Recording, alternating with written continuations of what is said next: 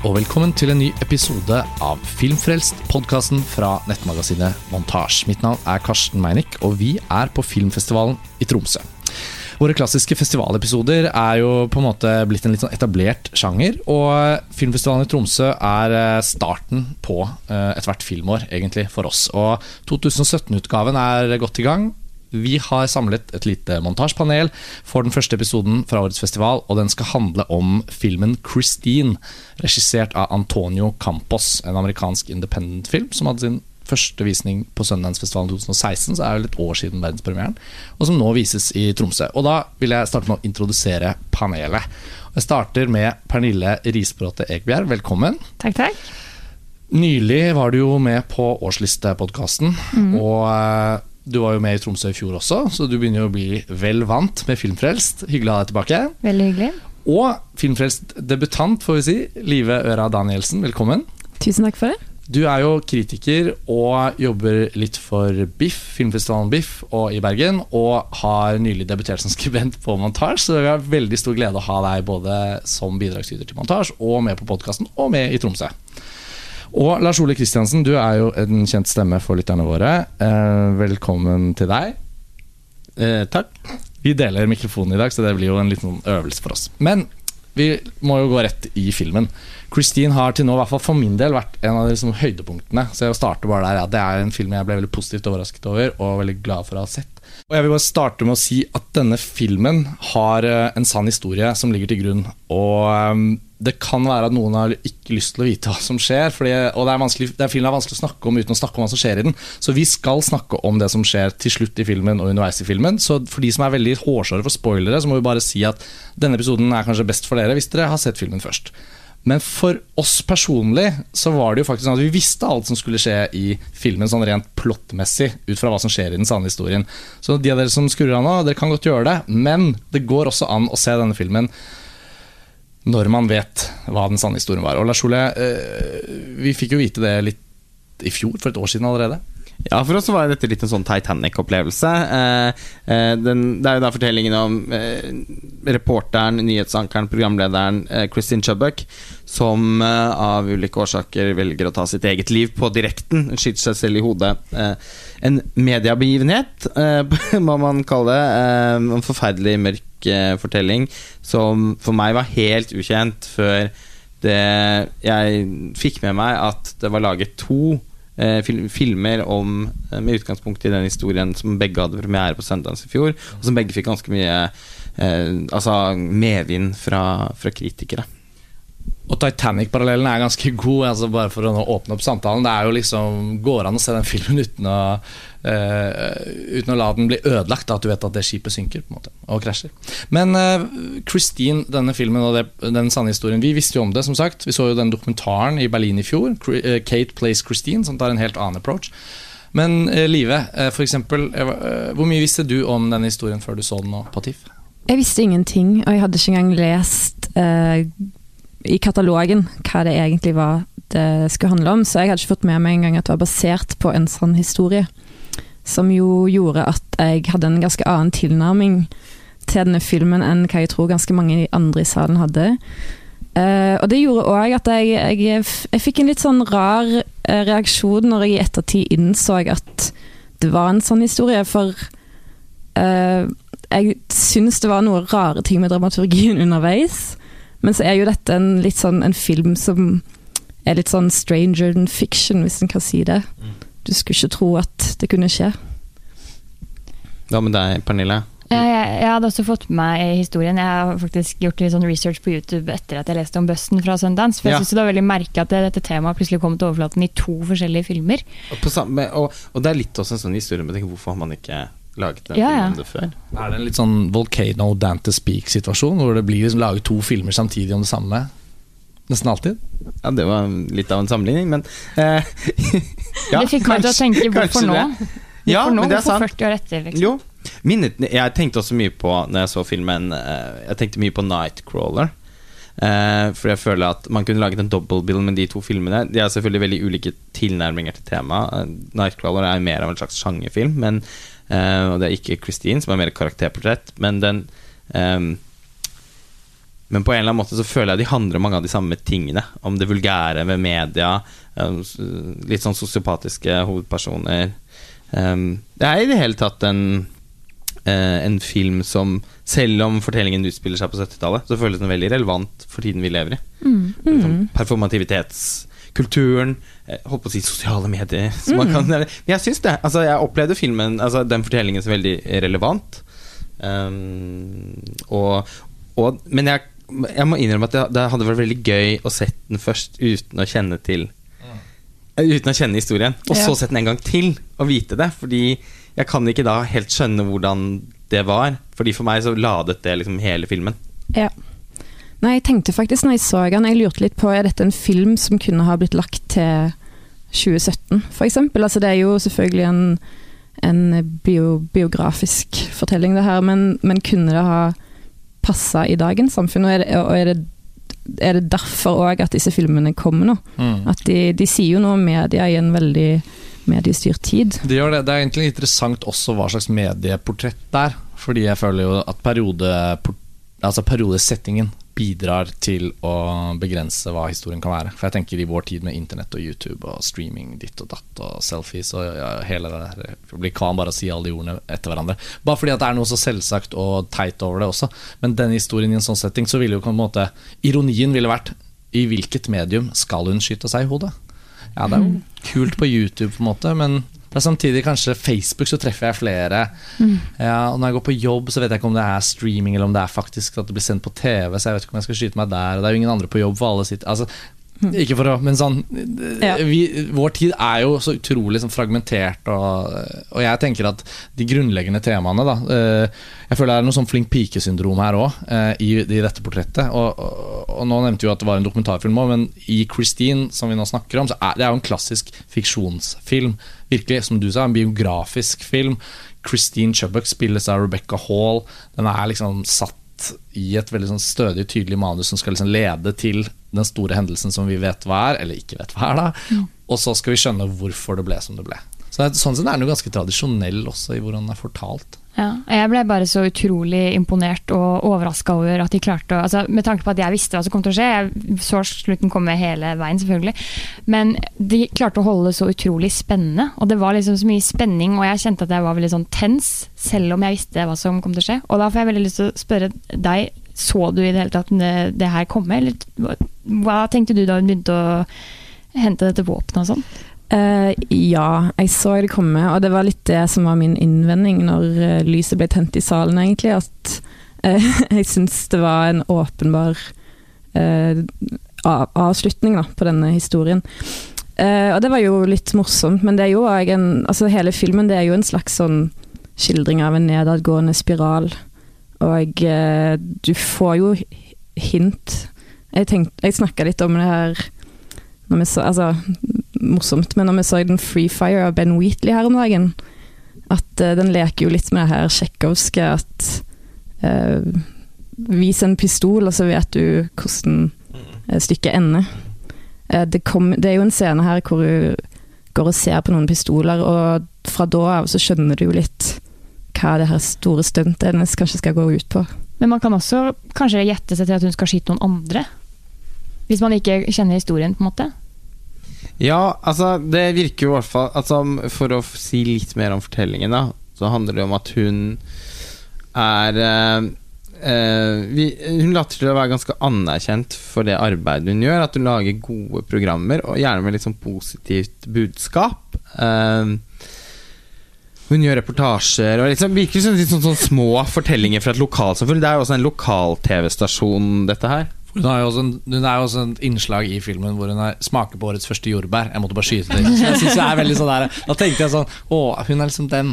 Hun har den. Hvis det var én ting som var litt vanskelig å tro med filmen, så var det faktisk at disse innslagene som hun lagde, var så fantastiske. For det var noe sånn God morgen Norge-aktig over en del av det. Men det er nå så. Ja. Eh, Men er ikke det litt meninga at, at, at det ikke er så fantastisk, men at det er ambisjonen som er jævlig høye? Og ja, fordi hun var så Ja, men hun var så innmari sånn, råprofesjonell i måten Altså, hun lagde jo de innslagene med en veldig eh, Ja, med en veldig innlevelse, men også tidvis med en sånn, sånn kledelig ironisk distanse. Altså, hun er en intelligent person. Ja. Ehm, men eh, fordi at seertallene er for dårlige, så eh, får liksom ledelsen De føler seg presset til å levere mer sånn eh, sensasjonelt innhold. Eh, og det syns hun er veldig problematisk. Og det springer også litt ut av, av, av hvem hun er som person. Og hvor hun kommer fra. Vi får jo etter hvert se at hun er en peppemø som eh, bor hjemme sammen med moren sin på, på pikerommet, akkurat som Nina Sayers i Black Swan. Um, og i det hele tatt har et Virker som hun har et problem med å forholde seg til voksenverdenen, egentlig. Noen ganger er hun jo som en 15-åring. I am your child! Ja. Når moren tar med seg en ny kjæreste hjem. Ja. Um, så vi får en Jeg syns filmen er veldig god på å skape en forståelse for hvorfor hun syns det er så spesielt problematisk. Uh, og det er jo nettopp som en slags sånn Ja vel, hvis dere vil ha dette, så skal dere faen meg få det. Som på en måte blir Som utløser denne, dette spektakulære selvmordet. Redaktøren i TV-kanalen har jo en litt sånn viktig sånn Han pusher jo dramaet litt fremover ved at han prøver å drive en TV-kanal som er sånn Og det er jo noe med det òg. Det er noen lokal-TV-kanal i Sarasota i Florida. Sånn amerikansk sånn lokalmediemiljøer og sånt. Det føler jeg alltid er liksom, litt sånn trist gjengitt. Eh, Groundhog Day kommer f.eks. til overflaten når man tenker på sånne journalister som på en måte bare Ja, jeg kommer aldri til å få en jobb i New York, liksom. Dette er litt trist. Han redaktøren der, i hvert fall, han eh, siterer jo da det som er også i virkeligheten et eller annet sånt. Sånn dum sånn saying, da. If it bleeds, it leads. Tanken om at sensasjonalistisk nyhetsjournalistikk begynner å krype opp. At liksom hvis du skal få seertall, så må du på en måte Og det er jo noe jeg føler vi forbinder med amerikansk TV-journalistikk. Kanskje særlig TV, da. Der, altså, vi har jo nylig snakket om OJ Made in America. Um, dokumentaren om OJ Simpson saken, ikke bare saken, historien, myten. Um, og man ser jo det er også eh, Det var jo på 90-tallet, så det var jo 20 år senere enn denne filmen. Men man ser jo at det uramerikanske i det der, som sikkert også Europa er smittet av, det er på en måte Kimen er litt portrettert her i Christine, i miniformat. Og det at hun faktisk, og det er en sann historie, da, at hun faktisk kan ta med seg den gunneren under bordet der, og så sitter hun på nyheten og bare Det er jo ikke så mye tvil heller. Når hun da i hermetegn endelig skyter seg, så, så blir det jo litt sånn det er ikke noe tvil, det er ikke noe svette Det er ikke noe sånn nærbilde av svette på pannen, og hun lurer på hva hun skal gjøre. Det er bare sånn, Hun tar den bare opp og sier sånn Nå skal dere få de nyhetene dere vil ha. Puff. Ja.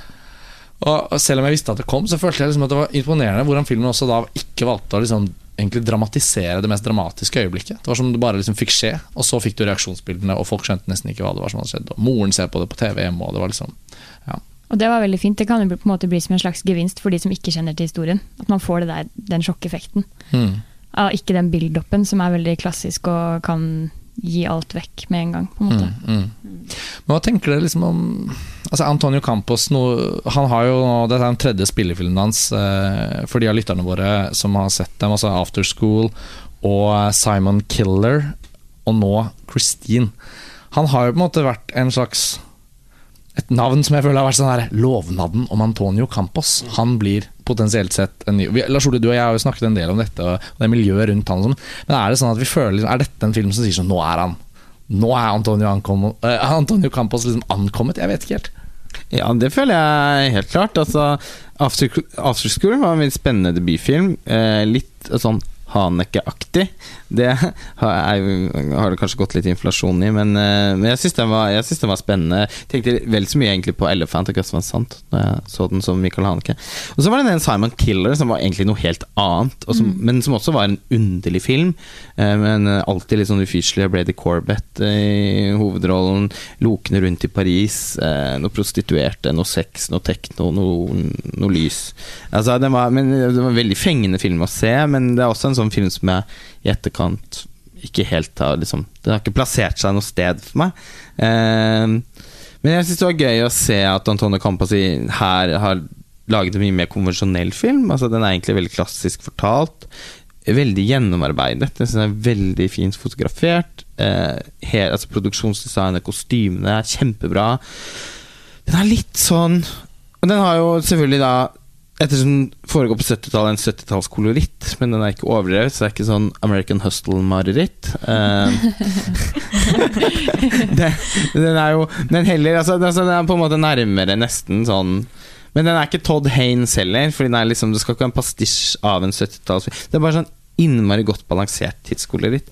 Eh, samtidig som jeg ikke helt klarte å unngå følelsen av Det var en positiv følelse da, av å tenke at filmen også minnet meg litt om eh, amerikanske filmer på 70-tallet. Når de er som best. Altså, eh, det er en eh, Det er rett og slett bare en veldig, veldig gjennomarbeidet, finstemt, eh, godt Altså sånn klok film.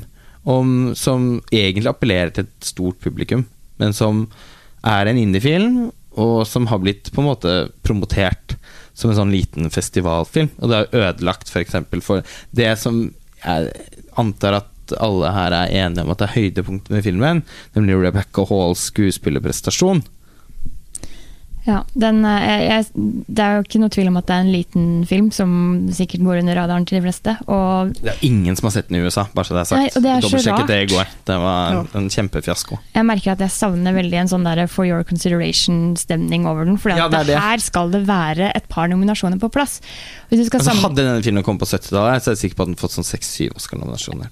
Da, da, da hadde det vært en av de filmene som alle er enige om at det er virkelig god, og hennes rolle Altså Hun hadde vært favoritt til å vinne den Oscar-prisen. Det mener jeg hun Det er en av de sterkeste rolleprestasjonene jeg har sett på kjempelenge.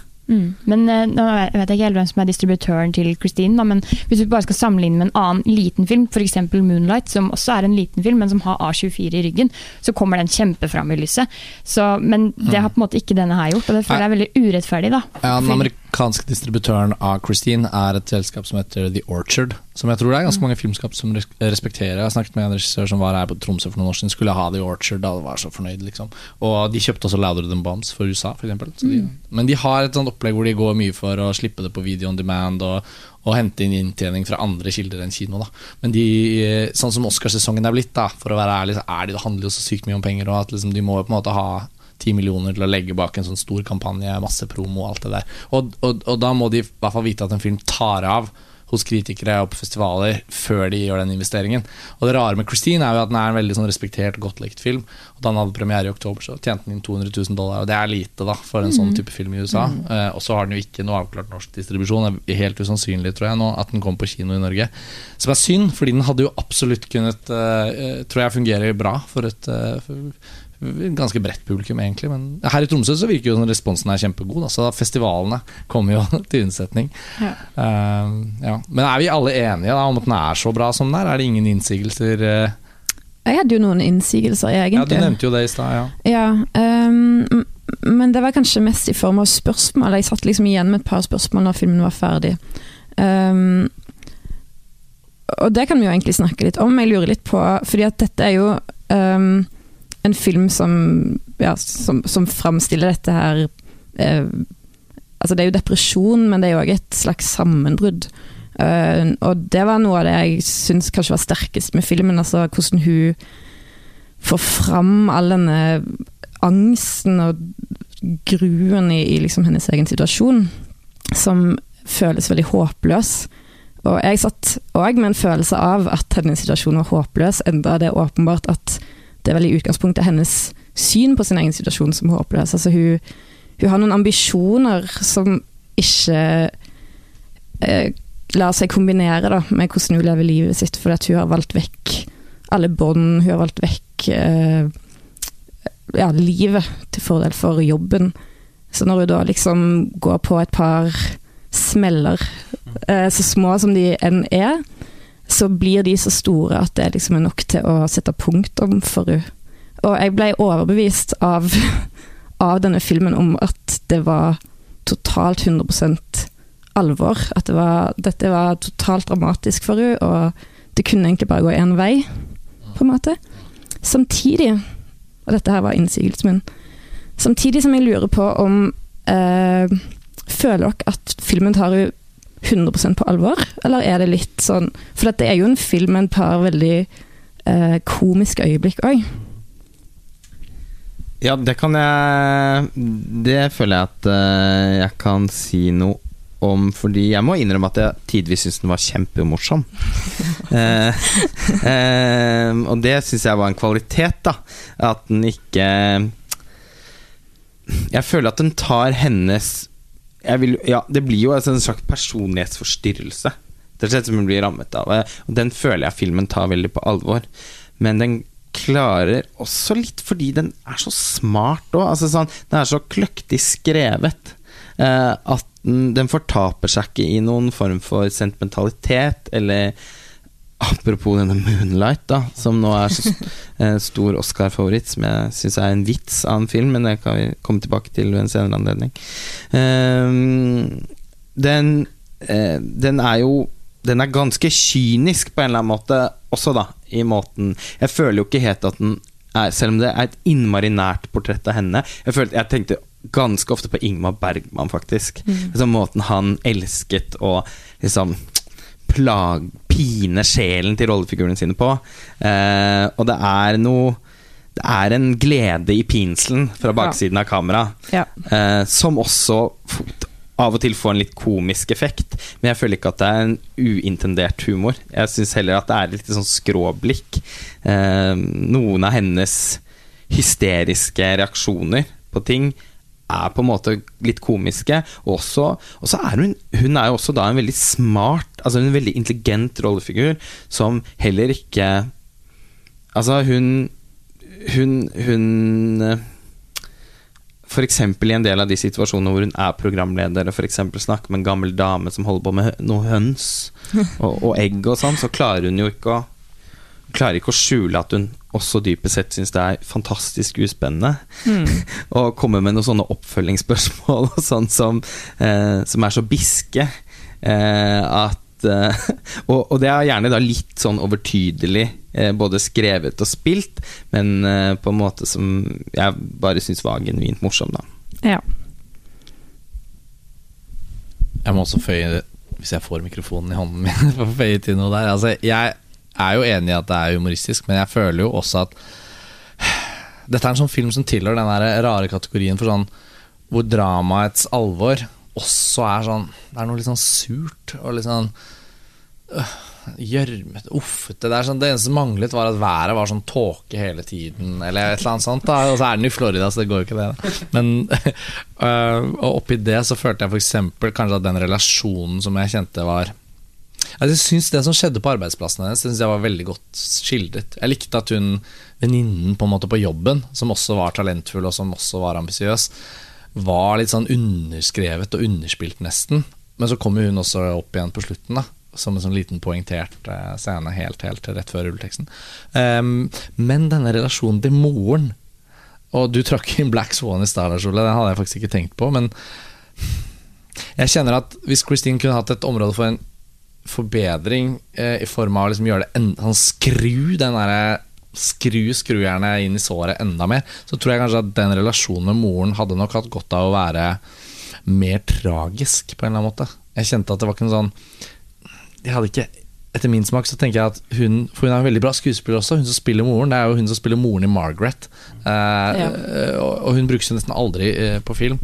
J. Smith Cameron, tror jeg hun heter. Og eh, liksom så bra casting, og, og hun er jo ikke Hun er liksom sånn flott, men også litt sånn sørgelig i utseendet sitt, så hun passer eller sånn, Det er noe treffende. Men jeg tror jeg hadde likt om, om den relasjonen var enda mer sånn at de virkelig ikke kunne snakke Altså At det var noe sånn, et juv mellom dem som gjorde det enda mer sånn at jeg har ikke grep om hva som foregår med datteren min. Jeg prøver altså sånn, Der kjente jeg at det var ikke, det var ikke Kanskje det juvet kunne vært større, da, i hvert fall. Du, du ville hatt mer sånn Høstsonaten.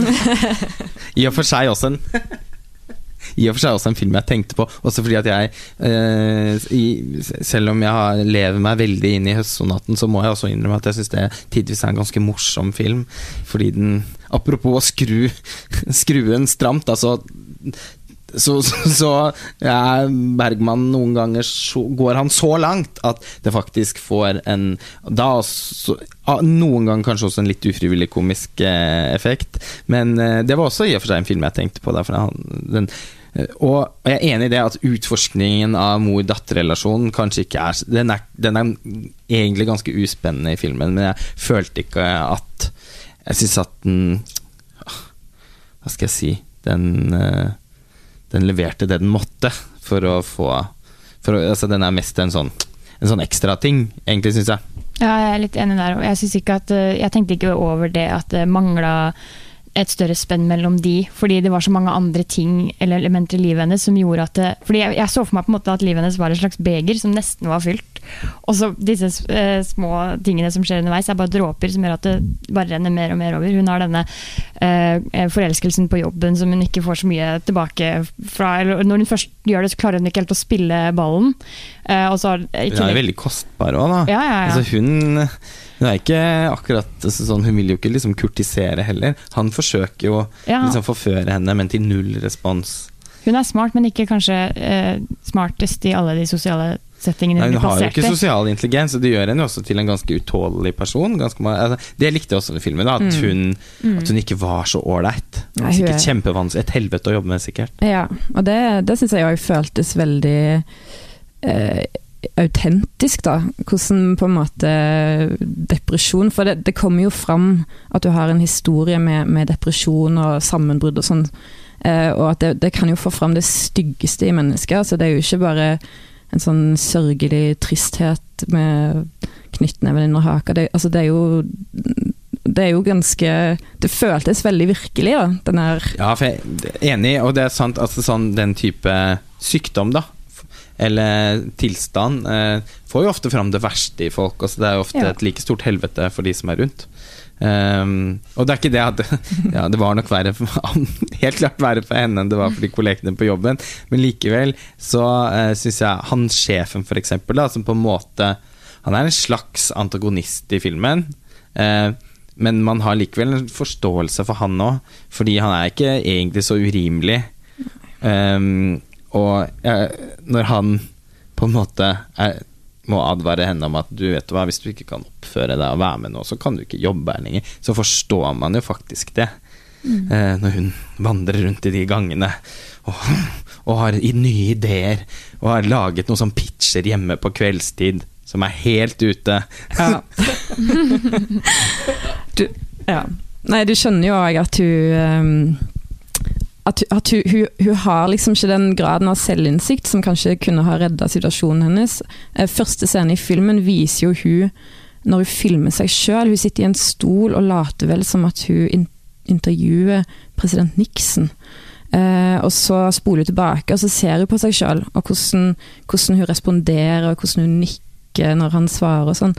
Eh, Så hun prøver jo å få en, et slags eh, innblikk i hvordan hun sjøl framstår, men hun har jo null selvinnsikt, og det er jo kanskje det som er det tragiske her, da, at hun, hun, hun tror at hun kan få denne jobben som hun ønsker seg, denne, denne forfremmelsen på jobben eh, som hun ønsker seg, ved å stå på og fortsette bare fortsette enda mer med det hun holder på med, og så innser hun kanskje til slutt at de som stikker av med prisen, er de som er som vanlige folk, hvis du kan Mm. si det sånn, da.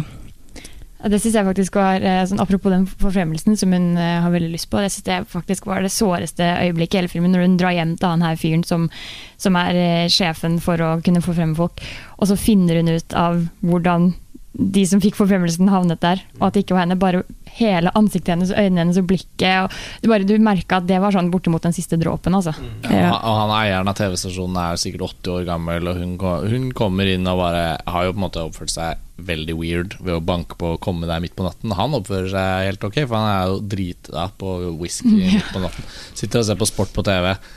Og sånn ordentlig gammel Det er så bra casting på birollen i den filmen. her også. Det er sånn Det er ingen sånn birolle som er casta med et sånt litt kjent fjes som du er lei av. Det er alltid en eller annen sånn fin oppfinnsom vri. Og hvis det er et kjent fjes, så er det sånn Oi, det var bra. Ah, han Dexter, for eksempel. da. Eller Jonah fra Veep. Ja, ja for eksempel. Men så, liksom, så, og, så, ja. og så er det Kommer hun på kjøkkenbordet hans, og han tar jo bare den derre I, I, I prefer not to overthink these things, you know. I, they go to Baltimore, you know, whatever. Og så klippet til henne, da, når Ja. han bare har tatt den. Det er sånn, Apropos humor, og nok en gang, da. Det er der filmen også er morsom, når den bare sier sånn på en sånn deadpan måte, med filmspråk, egentlig, da, bare med et klipp, til henne, og så bare Du ser på henne at du bare fuck Verden faller sammen. Gjort, ja, og jeg har gjort, liksom, gjort feil med hele taktikken. Og så er det en annen ting han òg sier i den scenen hvor han Hun kommer inn, hun, hun kommer jo uanmeldt på døra hans, og så står TV-en på, og så sier hun 'Å, så du på noe?' Og så sier han sånn Nei, nei, jeg bare har det på, jeg, jeg vil ha litt selskap, liksom. Og så innser hun kanskje òg i det øyeblikket at hun Det er det hun er, da. Hun er liksom bakgrunnsstøy i folk sine liv. Hun er liksom ikke den der knappere, svære personligheten som hun ønsker å være. Får en sånn forferdelig reality-sjekk. Det er jo for seg får meg til å tenke på nå på den helt fantastisk morsomme scenen i Notes on a Scandal, der hvor eh, Kate Blanchett forteller eh, Judy Dench Hvor Judy Dench sier But you said we, should go, we could go to your house in France! Hvor Kate Blanchett må respondere But we didn't mean it! Det var bare noe vi sa! vi mente det jo ikke! At du skulle komme til Frankrike, til vårt sommerhus og besøke Det ville jo vært helt unaturlig! Vi liker deg jo ikke engang! Å, nå fikk jeg lyst til å se den igjen. Og ansiktet til Judy Dench som stram Det som er jo stramt fra før av, og hvordan det strammer seg ytterligere. Ja, det er veldig mye Det er et bra poeng vi er egentlig inne på nå, for jeg føler liksom at filmen det, Måten hun forsvinner ned spiralen på, er jo egentlig også liksom Den er på en eller annen måte ikke dramatisert så hardt. Og det hadde jeg litt sansen for. At det er jo ikke sånn at vi liksom etter 40 minutter skjønner at nå går det, eller der går det. Jeg tror kanskje det tidspunktet hvor jeg tenkte sånn Nå må hun jo flippe ut, mm. dypest sett. Jeg tror jeg var da, hun liksom hadde laget det innslaget hjemme med et sånt kamera hun ikke har fått opplæring i og ikke skjønt, for hun liker å filme på film, men det har kommet noe nytt som heter video. Og så har jeg liksom filmet naboen, og så skal hun liksom vise den, og så er det på en måte bare sånn Nei, det, det klumses til, det blir ikke riktig. Hun stresser pitchen, men sånn Campos, da, spoler Altså selve filmskaperen bak alt dette, han trykker jo ikke da på noen knapper heller. Han liksom lar den bare scenen spille. Og det likte jeg med filmen som helhet. At der hvor det liksom skjer de der bikkene, da hvor vi skjønner at det blir mer og mer seriøst. Det betyr ikke at filmen er sånn tullete, men han lar liksom de tingene bare komme i sånne situasjoner som bare er sånn Nei, nei, nei. nei. Dette går jo ikke bra. Jeg synes også måten hun blir mer og mer subtilt, men mer og mer desperat på, var veldig fint. Sånn som når, når, hun legger merke til det at hun kanskje er ansett som bakgrunnssted, så blir hun sånn Ja, men du, hva med de detaljene her og her? Du skjønner det at jeg og han har kjempebra kjemi, og vi har en sånn greie, og legger du merke til sånne ting? Og hvis du syns disse tingene er viktige, så burde du jo overveie og sånn og sånn. Du merker at det, det er nesten så det er, blir litt sånn der panisk eh, utbrudd her, men samtidig holder hun det tilbake. Og I alt det så er jo Rebecca Hall virkelig Apropos at vi snakker, skrøt om at hun gjør en god rolleprestasjon her, men det er, også noe, det er jo lett å si. Men hva er det som gjør at den rolleprestasjonen er så bra? Og det er, jeg syns det er de samme type scenene. da mm. For der klarer hun å liksom restriktivt sett egentlig ikke bruke så mye maniert Altså Det er egentlig sånn at hun bare er der i det, og bare har noen små greier som gjør at vi skjønner, vi skjønner at hun ikke har tak på situasjonene, liksom. Er det litt sånn Altså, ja, ja altså, god rolleprestasjon, det er underdrivelse. Altså, helt fantastisk rolleprestasjon person. Uh, det, men det kan være litt smak og behag òg. Jeg vet ikke, jeg er i hvert fall veldig jeg er svak for litt sånn klassiske skuespillerprestasjoner. Jeg er glad i Kate Blanchett og Julian Moore og sånn, som liksom spiller dritten ut av noe. Uh, og spiser en rolle til frokost. Uh, og det gjør Rebecca Hall i denne filmen, for det er veldig spill. Det er spill. Ja, det er, spill. det er veldig spill, men det er så enormt underholdende spill. Altså, det er, snar, det er noe med at en skuespiller kan også da evne å ikke bare være autentisk eller eh, finne en, treffe en tone, eller noe sånt, men liksom bare eh, holde på oppmerksomheten til publikum gjennom hele filmen. Og det var ikke et sekund eh, som jeg syntes det var kjedelig å se på henne. Det virka som at hun kosa seg veldig med at dette er på en måte hennes moment. da Jeg, vet ikke om, jeg, jeg kan i hvert fall ikke huske å ha sett henne i en så sterk ledende Alltid likt Rebecca Hall, men på en måte følt at når skal hun få en sånn mm. ordentlig spennende rollefigur å ta for seg? Og det følte jeg var første gang med den, men da fikk man jo også på en måte Da ble det jo også Kom det jo for dagen mm. hvilken Altså hvilken skuespiller hun er, da det er jo, altså Hennes innlevelse er jo så voldsom at man blir altså Øynene og måten hun beveger seg på Hun er jo liksom sånn høy, og hun er, veldig, hun er jo sånn veldig flott skikkelse. da mm. Måten hun liksom bare går rundt i de gangene på. Og, uh, hun er jo veldig flott, men hun, jo, hun har jo et genialt kroppsspråk, for hun tramper ja, jo rundt som en gjør det. Altså, hun, hun, er jo, hun, er jo, hele hun er jo en veldig klossete figur, og det er hun veldig flink til å vise med kroppen òg. Ja. Med hvor dårlig hun passer inn i Når, når hun kommer inn i rommene, så er hun liksom ja, Hun passer ikke inn. Nei. Hun, det er som du sier, veldig klossete. Hele den litt sånn lange kroppen som hun ikke har helt kontroll over, og litt sånn flotte klærne, men uh, og, og, håret ja, det, det, det, er så mye å følge med på med henne som var så Åh, ja. Og måten hun nekter å la noen gå ut av rommet på. Det er sånn, Du skal ikke gå ut av den samtalen her, vent nå. Og så følger hun etter Tracy Letts da, sånn tre-fire rom, fordi samtalen er ikke over. Og det er den, det er, det er den liksom aldri. Nei, enig. Og, det, er, ja, det, er, det jo litt påtagelig med hennes karriere, det er Rebecca Hall. Jeg tror det var i Wiki Christina Barcelona hvor i hvert fall jeg la merke til henne først. Kan jo ikke ha vært med i noen særlig profilerte filmer før det. Jeg følte det var veldig sånn frisk sånn wow, der var Hun var ganske god i The Town, selv om det var en liten rolle. Ja, men det er jo et godt eksempel. Og eh, ferskeste eksempel for min del. Jeg fikk endelig sett av Spielbergs SVK, og det er sånn Ja, en liten rolle til Rebecca Hall. Hun er jo det best, absolutt beste alternativet for den bitte lille rollen, så da, da får vi henne inn der. Og det er, det er så mange filmer som hun har hatt sånne nesten store biroller, men ikke helt store nok til at det er noe vits å legge merke til. Eller, jeg mener sånn, Det er bra, men det er ikke sånn at hun får gjort noe med sine egne talenter, egentlig. Hun var jo også med i Iron Man, men det er vel ikke så mange som husker det, kanskje. Ja, når du sier det, så husker jeg det. Og, og hun var jo med i Wally Fisters regidebut 'Transcendence', som hadde masse hype, og som ingen av oss endte opp med å se. Iallfall ikke vi. Og, har dere sett den? Nei. Nei. Med Johnny Depp. Men anyway. Hadde jo masse hype før den døde, fordi den fikk så grusomme kritikker. Ja, men jeg mener, Det var en sånn film man liksom, altså, Fotografen til Christopher Nolan skal endelig gjøre en Eller ikke endelig, men han har valgt å gjøre en film som regissør, og nå det blir spennende å se. Uh, og det ble jo ikke spennende å se, så Men, men la oss håpe at Christine på en måte har plassert eh, Rebecca Hall litt sånn tilbake på kartet, i form av at hun kanskje kan castes til litt mer sentrale roller. Da. Vi må kanskje begynne å oppsummere her. Eh, Christine har nå stått i sentrum for den første podkasten fra TIFF. Eh, vi, vi vurderte å komme inn på et par andre filmer på slutten, men jeg tror vi skal sløyfe det og så heller lage en episode til når neste anledning byr seg. Um, ja, vi trenger ikke kanskje oppsummere, men det er i hvert fall en varmt anbefalt film. Og når vi sier at den ikke kommer på kino, så er jo det en sannsynlighetsberegning. Det er ikke 100% avklart, for så vidt. Det kan jo hende, hvem vet. Men den kommer jo helt sikkert på disse iTunes og etc., etc. Så forhåpentligvis så blir den tilgjengelig for eh, lytterne våre, for de som har lyst til å se den. Den er, den, den er noe å, å merke seg, i hvert fall. Live, så hyggelig å ha deg på Filmfrelst første gang. Du må ikke bli den siste.